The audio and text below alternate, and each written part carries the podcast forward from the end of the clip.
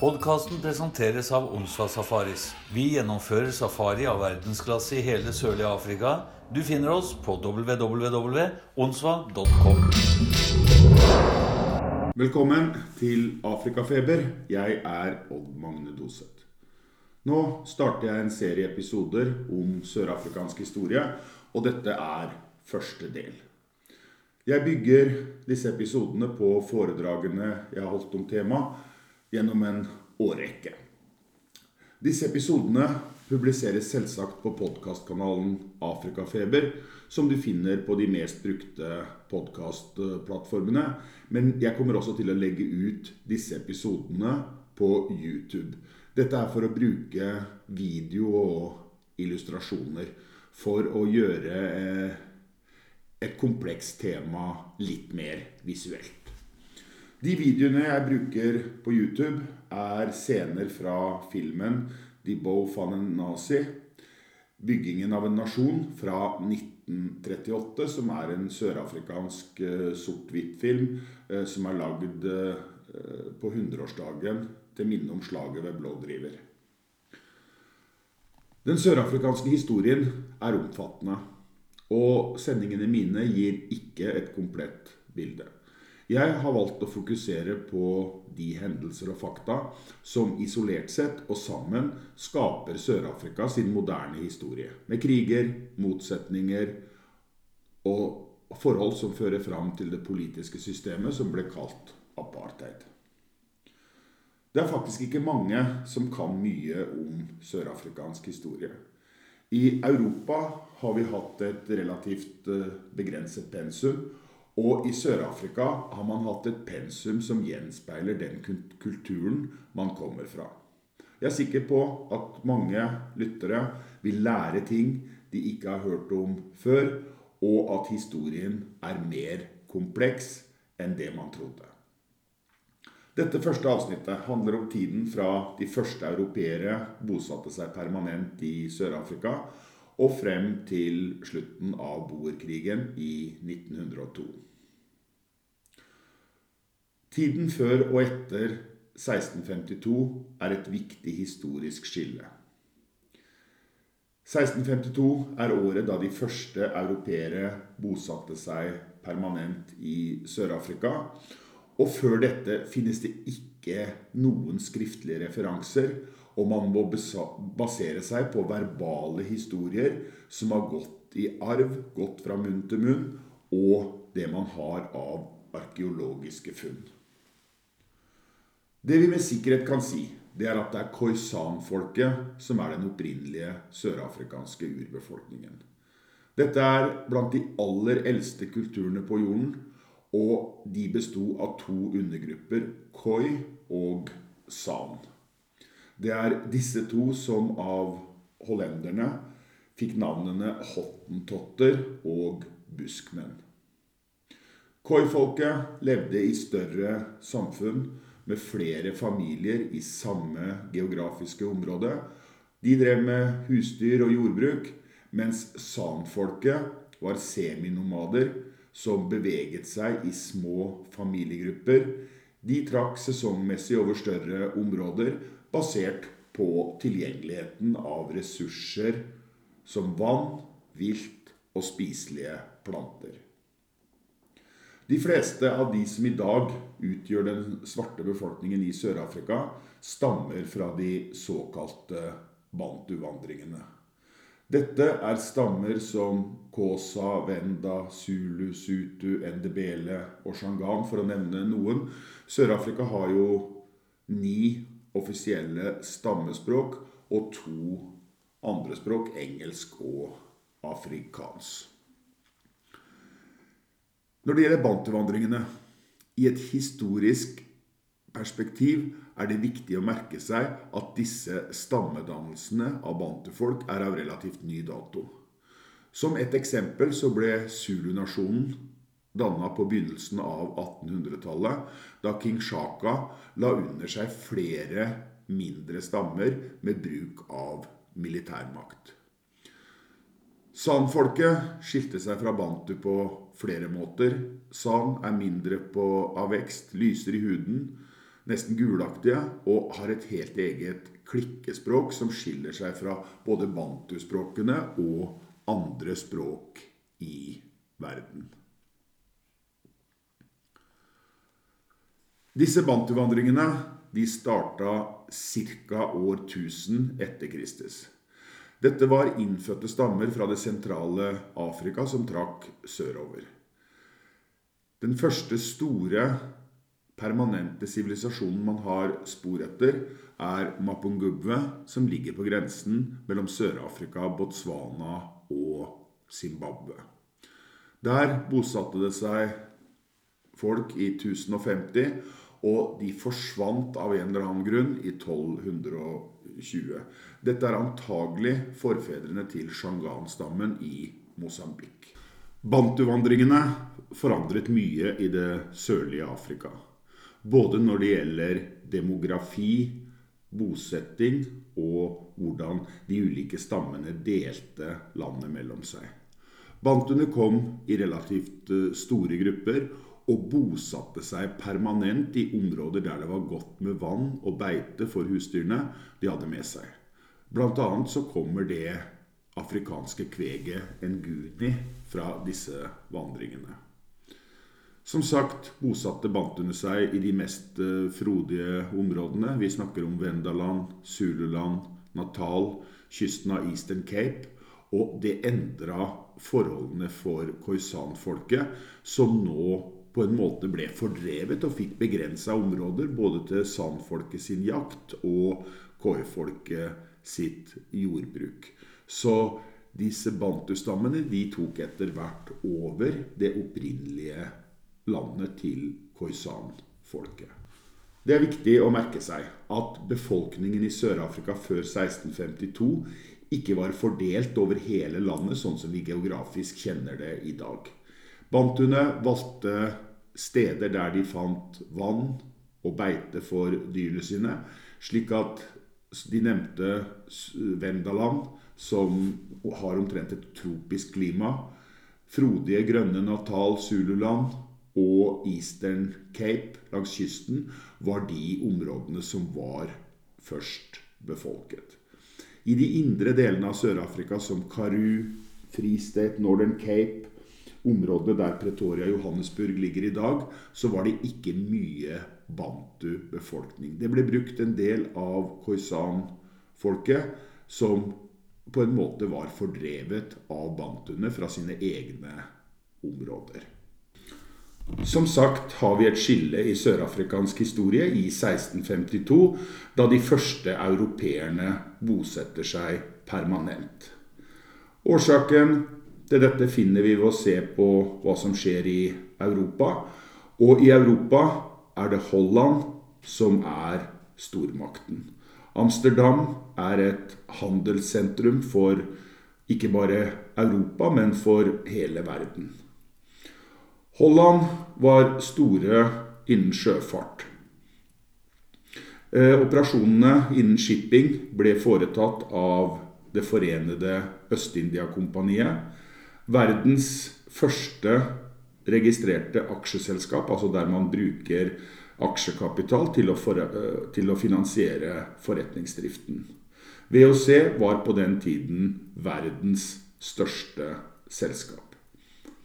For å si litt om størrelsen til VOC, så hadde VOC på midten av 1600-tallet 4700 skip i drift, mens resten av Europa hadde 2500.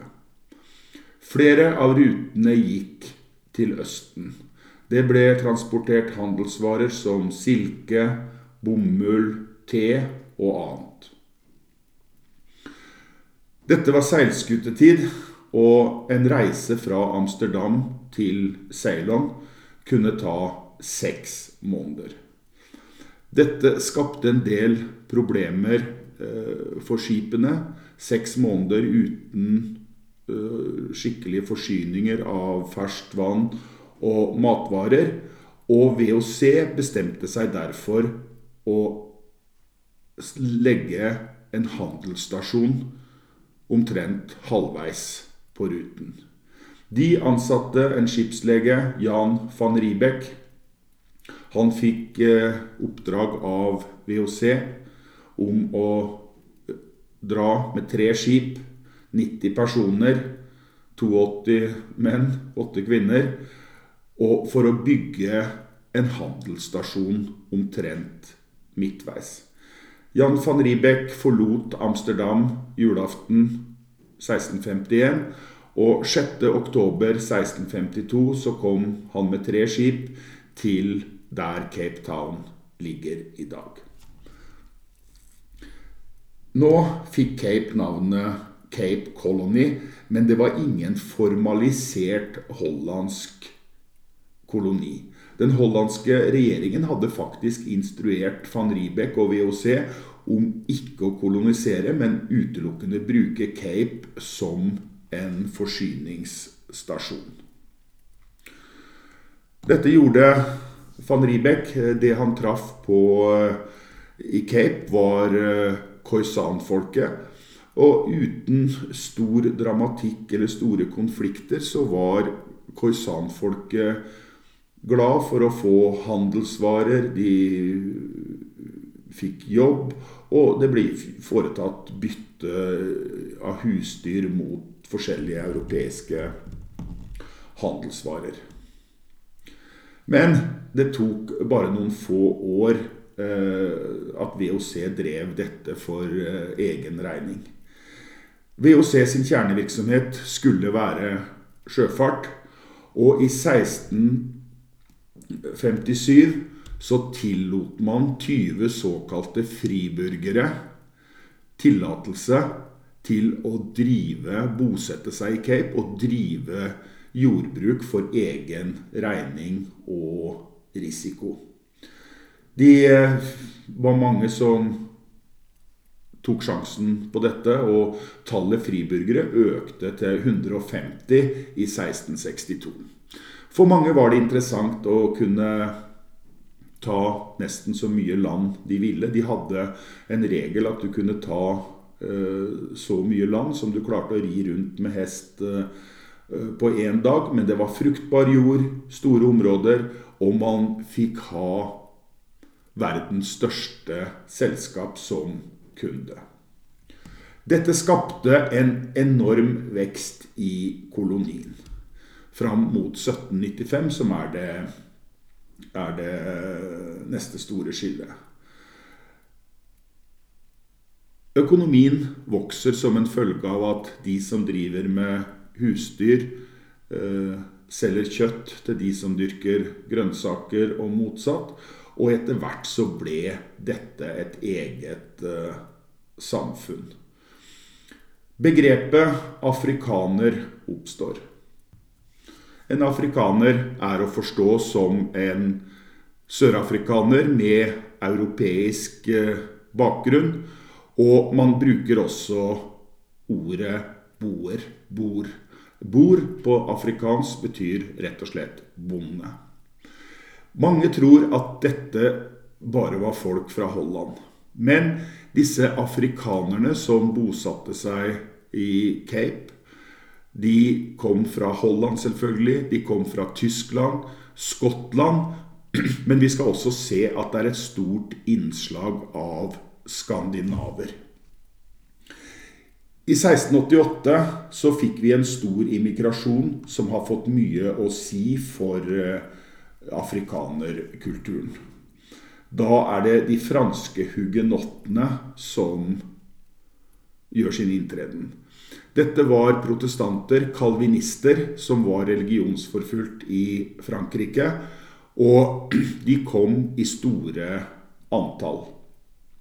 Man ser det på boer, afrikanerbefolkningen i dag, at det er mange etternavn som stammer fra disse hugenottene. Du har Dupré, Dutoy, Duplessis, Labouchaine osv.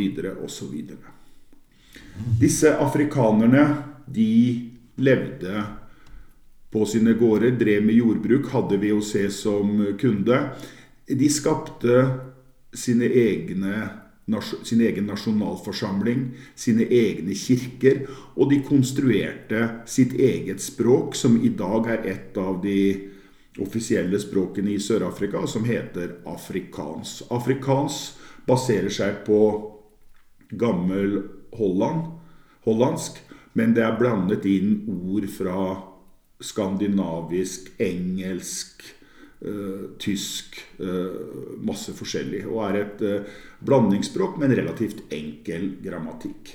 Som sagt, disse afrikanerne de følte seg ikke som europeere lenger. De følte seg som afrikanere som hadde sitt eget land og sine egne kulturer og samfunn. Det er helt fram til 1795. Og igjen må vi se på utviklingen i Europa. Holland er på full fart ned.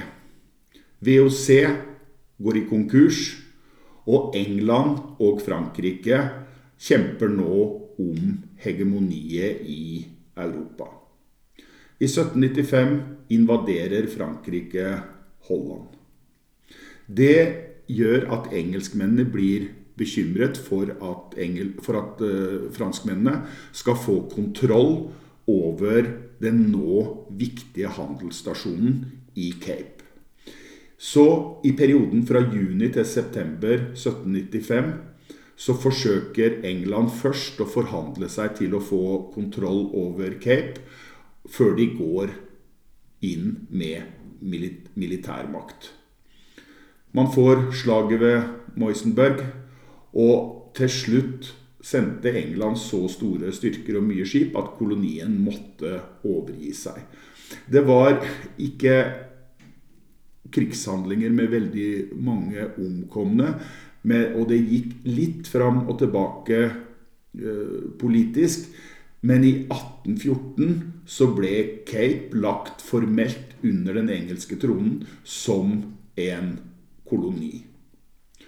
Dette førte til et anstrengt forhold mellom afrikanerbefolkningen, som hadde vært der i generasjoner, og den engelske befolkningen. Boerne som hadde bodd der som jeg sier, i generasjoner, må nå forholde seg til England og deres lover. I 1835 ble boerne og engelskmennene enige om at de som ønsket, kunne trekke øst for Oranje River eller Fal River. Og de som etablerte seg der, skulle da få selvstyre helt uavhengig av den britiske tronen. I løpet av de neste fem årene trakk ca. 15 000 boere afrikaner i det som ble kalt de grøt trekk, det store trekket, og disse ble kalt fortrekkere. De pakket det de hadde i oksevogner, tok med seg husdyr, eh, dro i grupper på fra 50 til 500 personer, såkalte trekkpartier. De hadde noe som de kalte four-reiers, som red foran, tok ut veien og la ruten.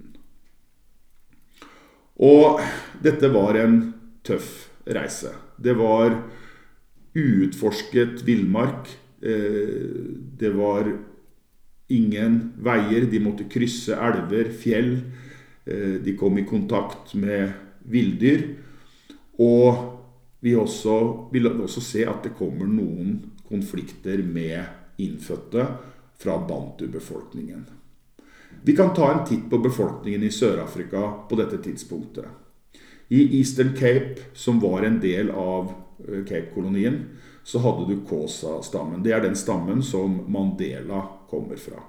Her har det vært flere uoverensstemmelser mellom hvite og innfødte, men på den, dette tidspunktet så er situasjonen relativt stabil. Men vi skal se over til Natal, Zululand. Der regjerer nå Dingan som konge av zuluene. Dingan var halvbroren til Shaka, som dannet zulunasjonen på begynnelsen av 1800-tallet. Og Dingan hadde drept halvbroren sin Shaka. Zuluene var kjent for eh, som en stor militær stamme. De hadde gode taktikker, strategier. De hadde ikke hatt noen konflikter med hvite på dette tidspunktet, men de hadde lagt under seg andre og kjempet mot andre innfødte stammer. Lengre nord, i Magalisberg, eh, litt nord for Johannesburg, der som Johannesburg ligger i dag, så hadde du matabelene. De var ledet av kong Silikasi, som var en, også en halvbror av eh, Dingan. Matabelene er en utbrytergruppe fra zuluene der Silikasi tok med seg 3000 soldater, forlot Natal Zululand og bosatte seg i Magalisberg. Så over til foretrekkerne. Den første som dro, og den store pioneren, er Louis Trichard. Han hadde med seg et relativt lite trekkparty, ca. 50 personer. Han fant en rute gjennom Karu, der som Free State ligger i dag, Johannesburg, Pretoria, og endte opp i Soutpansberg i nordre delen av det som senere ble Transvaal. Han valgte en rute der det var lite innfødt befolkning, hadde veldig lite eh, kontakt før han kom i kontakt med vendene i Soutpansberg. En kuriositet er at uh, Louis Trichard var av svensk avstamning. Hans bestefar hadde familienavnet Tregard, var fra Uddevalla og kom med et VOC-skip til Cape. Louis Trichard hadde en god venn, Henrik Pottkiter, som dro etter. Han hadde mye kontakt underveis, hadde ryttere som red og delte informasjon.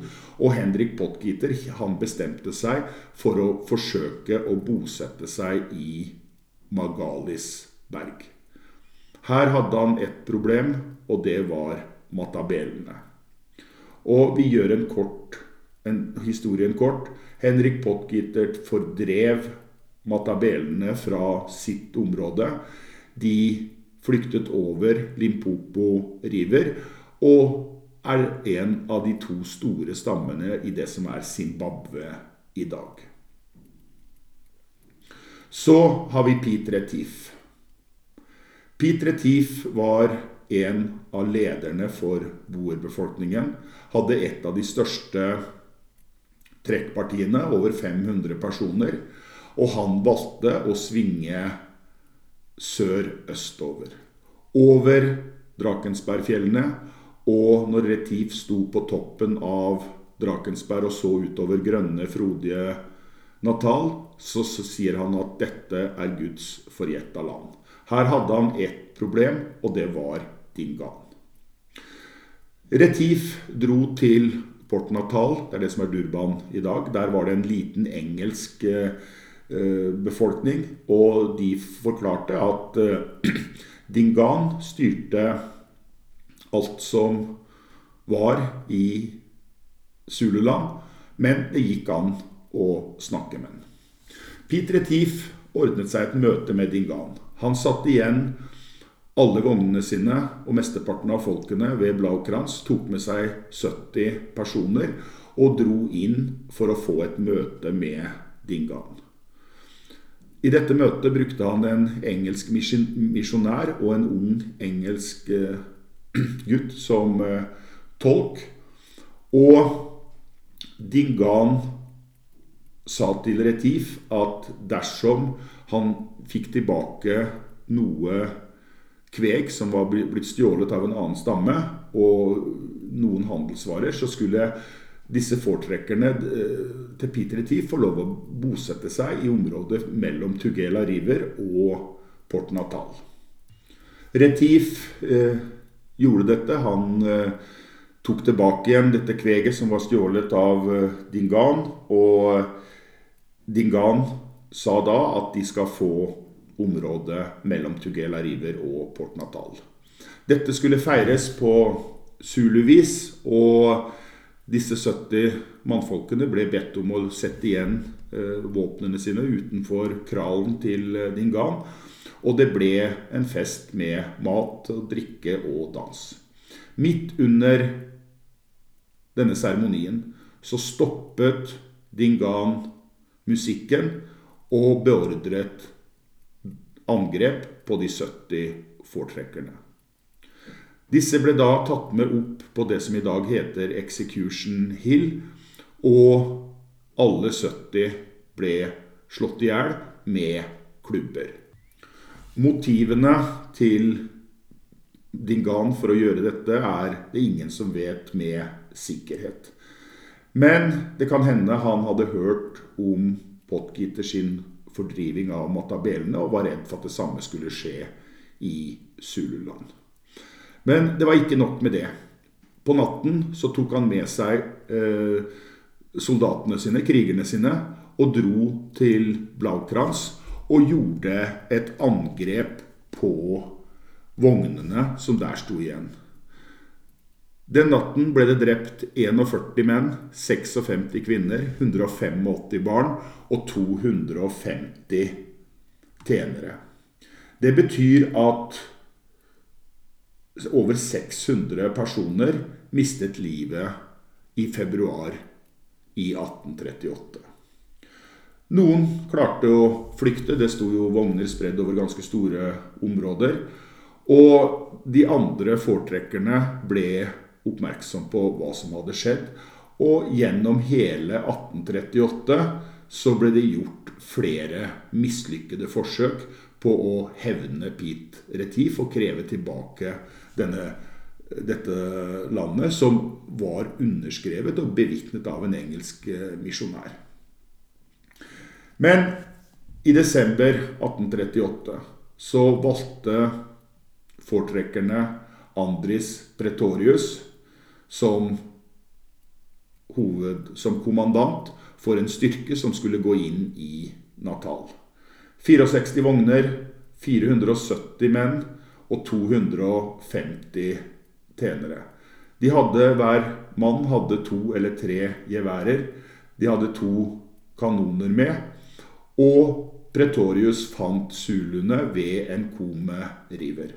Han satte en såkalt lager det er å sette disse oksevognene i en halvmånesirkel mot elven og mot det åpne området der og lot sulene angripe. Fortrekkerne var relativt heldige, for det regna og det var tåke på natten. Det forhindra zuluene i å bruke sin tradisjonelle strategi med å angripe på nattestid.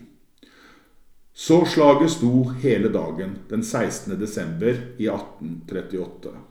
Zuluene angrep Vognborgen, og, og fortrekkerne, Pretorius sine menn, de forsvarte seg med kanon, to kanoner og geværer mot zuluenes kastespyd og stikkspyd, en såkalt asegai. Eh, men man skal huske at eh, Fortrekkerne var 470 menn, og Zulu-styrken ble anslått til å være mellom 10 og 15 000 zuluer. Slaget sto som sagt hele dagen. Eh, Pretorius begynte å gå tom for bly. Eh, blyet ble da prioritert eh, til geværene.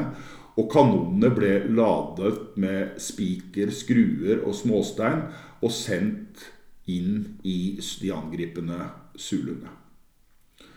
Det endte med seier til Pretorius. Fortrekkerne fikk ingen drepte. De hadde to skadde, deriblant eh, Pretorius sjøl. Men zuluene mistet over 3000 krigere, og en Komer River ble, da, ble det da skiftet navn på til Blood River. Etter slaget gjorde Pretorius en allianse med en pande, som var nok en halvbror til eh, Dingan. De eh, sørget for å styrte Dingan som zulu-konge. Dingan ble drept, og en pande overtok som konge for zuluene. En pande ble senere en god venn, også faktisk med en norsk eh, misjonær. Og det var relativt fredelig mellom zuluer og hvite i flere år, når man da ble enige om grensene. Engelskmennene hadde riktignok sin egen zulukrig i 1879, men den skal jeg ikke gå gjennom her. Vi skal gjøre et hopp til 1881. I 1881 så dannes de to boerrepublikkene Oranje Freistat og Transvaal. Disse er da kalt opp etter elvene. Avtalen fra 1835 var jo at de som trakk eh, øst for Oranjeriver og Falriver, skulle få lov å styre seg sjøl. Oranje Freistat er da fristaten til de som passerte Oranjeriver, og Transvaal er jo da de som trakk over elven Falriver. Vi skal konsentrere oss mest om Transvaal. Her var Paul Krüger, som Krügerparken er kalt opp etter, president. Transvaal var en relativt fattig jordbruksrepublikk med stor grad av selvberging. Men det viktigste for disse boerne var å være fri fra britisk styre og kontroll. Så de levde som en fattig jordbruksrepublikk med Krüger som president. Selvberging, men fri fra engelskmenn. Så, i 1886, da finner man gull i Hvitvatersrand ved Johannesburg. En, ikke én, den største forekomsten av gull, den største gullåren i verden, blir funnet, og man får et gullrush. På få år går nå Transvaal fra å være en fattig jordbruksrepublikk til å bli et av verdens rikeste land. Og rikdom kan skape konflikter. Utlendinger, såkalte beitelanders, fikk lov til å grave etter gull, fikk konsesjoner, men Paul Krüger skattla de veldig, veldig høyt, og det skapte en del motsetninger. En sentral person her er Cecil John Rhodes. Cecil John Rhodes kom til Sør-Afrika som 17-åring. Han hadde en lungesykdom, og man trodde at dersom Rhodes kunne få et bedre klima, kunne han kanskje leve til han var 25. Han ble 47 år og verdens rikeste mann. Han slo seg opp på oksetransport, begynte med toglinjer, var med på diamantrushet i Kimberley noen år før gullrushet. Kimberley var jo på engelsk side. Og han gikk inn i det som var Zimbabwe. Gjorde en litt luguber avtale med kong Lobengula. Så han tok over Zimbabwe og kalte det opp etter seg selv. Så Zimbabwe het Rhodesia helt fram til 1979. I tillegg til å være verdens eh, rikeste mann, så var også Cecil Rhodes statsminister i Cape-kolonien. Politisk valgt. I 1895 så forsøkte Cecil Rhodes seg på en aksjon mot gullfeltene i Johannesburg. Han var ikke spesielt glad i skattleggingen til Paul Krüger, så han fikk eh, politisjefen i Rhodesia, Leander Starr Jameson, til å ta med seg en liten gruppe politifolk, krysse grensene til Sør-Afrika, gå inn i gullfeltene i Johannesburg. Ikke for å starte en væpna aksjon, men for å mobilisere streiker og uro i et forsøk på å få styrtet Paul Krüger. Raidet var totalt mislykket. Boerne visste at eh, de kom, og uten tap av liv og uten større eh, dramatikk i Johannesburg, så ble Jameson og folkene hans tatt eh, til, til fange. Jameson ble sendt tilbake til England og satt i fengsel, og Cecil Rhodes ble avsatt som statsminister i Cape-kolonien. Men nå visste Paul Krüger at britene var ute etter gullet hans. Og nå hadde han penger. Paul Krüger var av tysk avstamning, og han dro nå til keiser Wilhelm i Tyskland og kjøpte 40 000 moderne Mauser-rifler og 5 millioner skudd. Dette er jo nå, i, akkurat i det tidspunktet, de nye, moderne boltriflene kommer. Paul Krüger ante at engelskmennene vil, var ute etter gullet hans og ville forberede seg så godt som mulig. Han bygde opp bare en liten styrke, men han ga våpnene ut på farmene til boerne og sa vi skal, vi skal forsvare oss hvis det blir krig. Og krig ble det.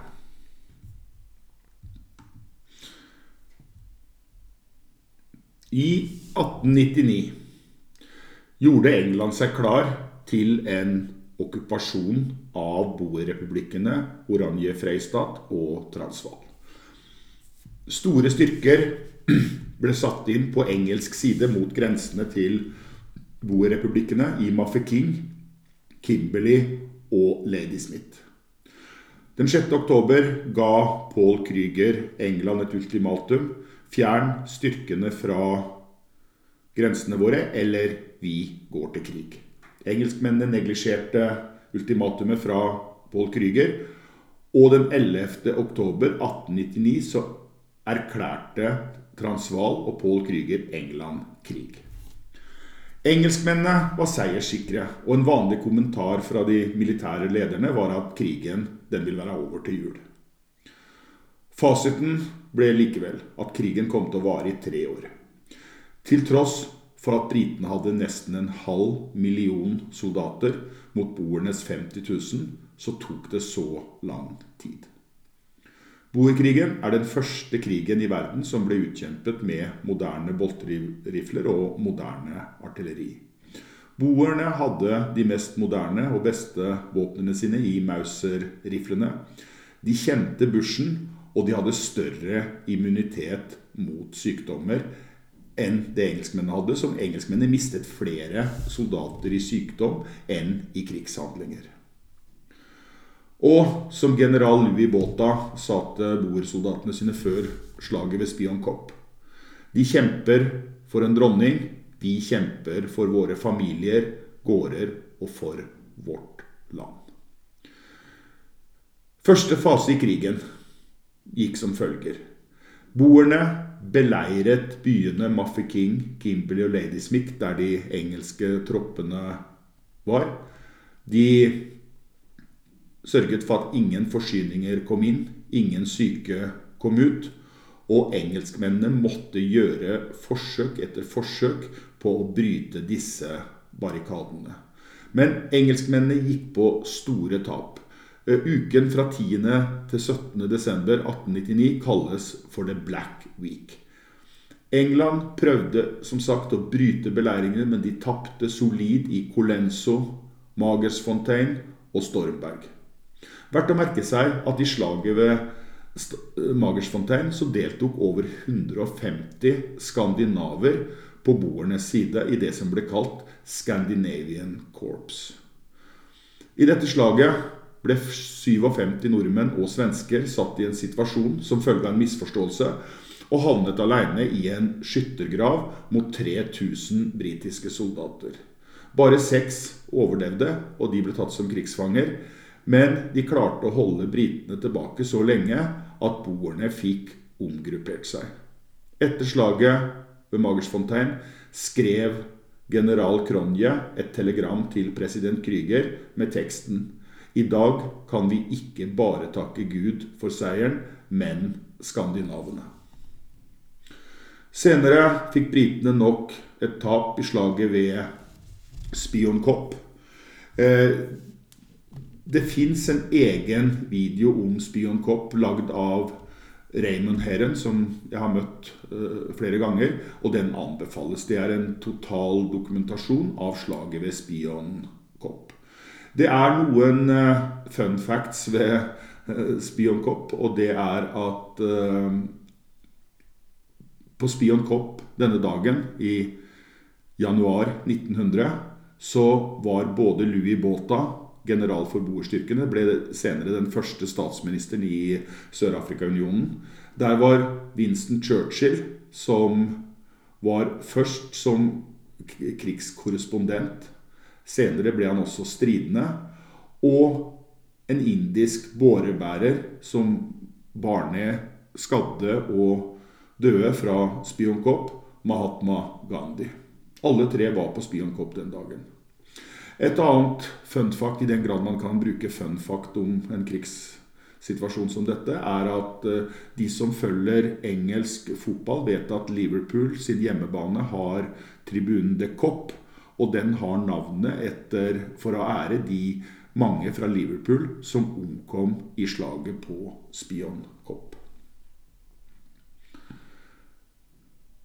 Men beleiringene sto en stund. Etter hvert sendte England større og større styrker, brøt disse barrikadene av de tre viktige byene, sendte styrker inn og tok Pretoria, Johannesburg og Blomfontein. Da skiftet boerne taktikk. De delte seg opp i små, effektive kommandogrupper og drev geriljakrigføring.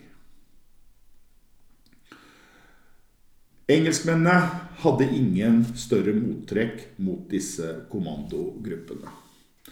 Men da fikk lord Kitchener, som var høyeste kommandant for de britiske styrkene i Sør-Afrika, en idé. På farmene så var det bare eldre menn, kvinner og barn, siden de stridsdyktige mennene var ute på oppdrag og deltok i kommandoraid. Derfor sendte Kitchener ut styrkene sine i en brent jords taktikk Gårdene ble overfalt, brent ned, husdyr ble slakta, og kvinner og barn ble satt i konsentrasjonsleire. Dette er et mørkt kapittel i den sørafrikanske historien. Totalt mistet 27 000 boerkvinner og barn livet i disse konsentrasjonsleirene, som var årsaken til at boerne til slutt måtte kapitulere og krigen endte med britisk seier. Nå kan man tenke litt på forholdet mellom afrikanskspråklige boere og engelskmenn. Boerne ble på begynnelsen av 1800-tallet fordrevet fra Cape. Gullforekomstene fra 1886 ble de fratatt, og nå får de et stort tap av sivile som følge av britenes konsentrasjonsleire. Dette hatet mot engelskmenn skal vise seg å være en vesentlig årsak til den videre politiske utviklingen, og som ender i systemet med apartheid. Det skal jeg vise i neste avsnitt, der vi skal se på dannelsen av Sør-Afrika-unionen i 1910, følge Sør-Afrika gjennom to verdenskriger til valget i 1948, og som gjorde at apartheidpolitikken ble formalisert. Vi høres. Podkasten presenteres av Onsva Safaris. Vi gjennomfører safari av verdensklasse i hele sørlige Afrika. Du finner oss på www.onsva.com.